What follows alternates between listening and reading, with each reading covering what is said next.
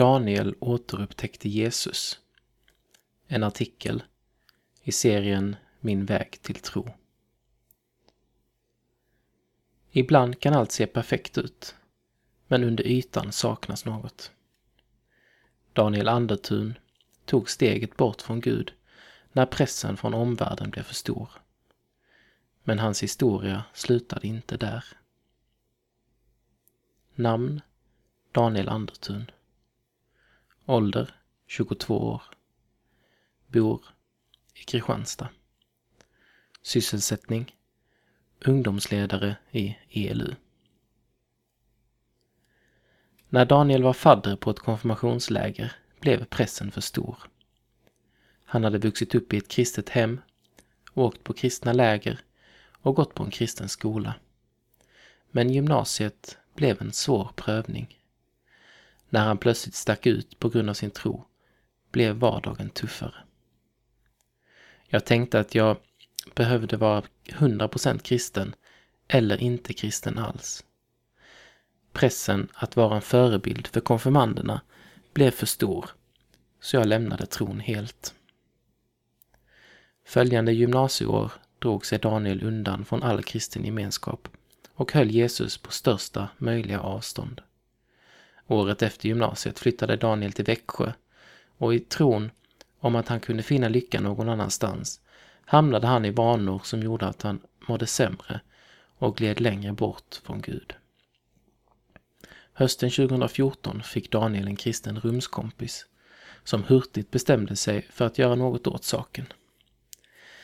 Min rumskompis sa till en annan vän att han skulle göra mig kristen igen, men jag bara ryckte på axlarna. Även om det inte blev så många djupa samtal så fanns hans rumskompis alltid där för honom. Detta fick betyda mycket för Daniel under en period som var hans jobbigaste någonsin.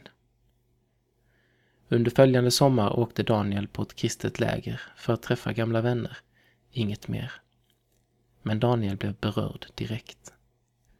Så fort jag kom så kändes det bra och väldigt annorlunda från vad jag blivit van vid.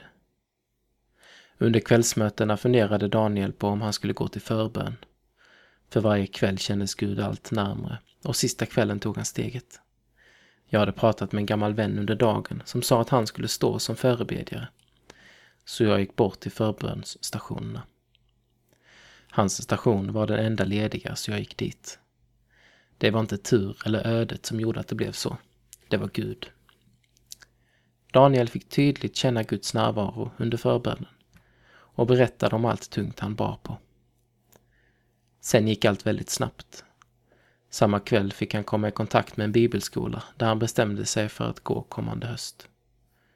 Hösten var inte utan problem och Daniel tvivlade fortfarande. Hösten var jobbig och jag funderade ett par gånger på om jag skulle hoppa av skolan.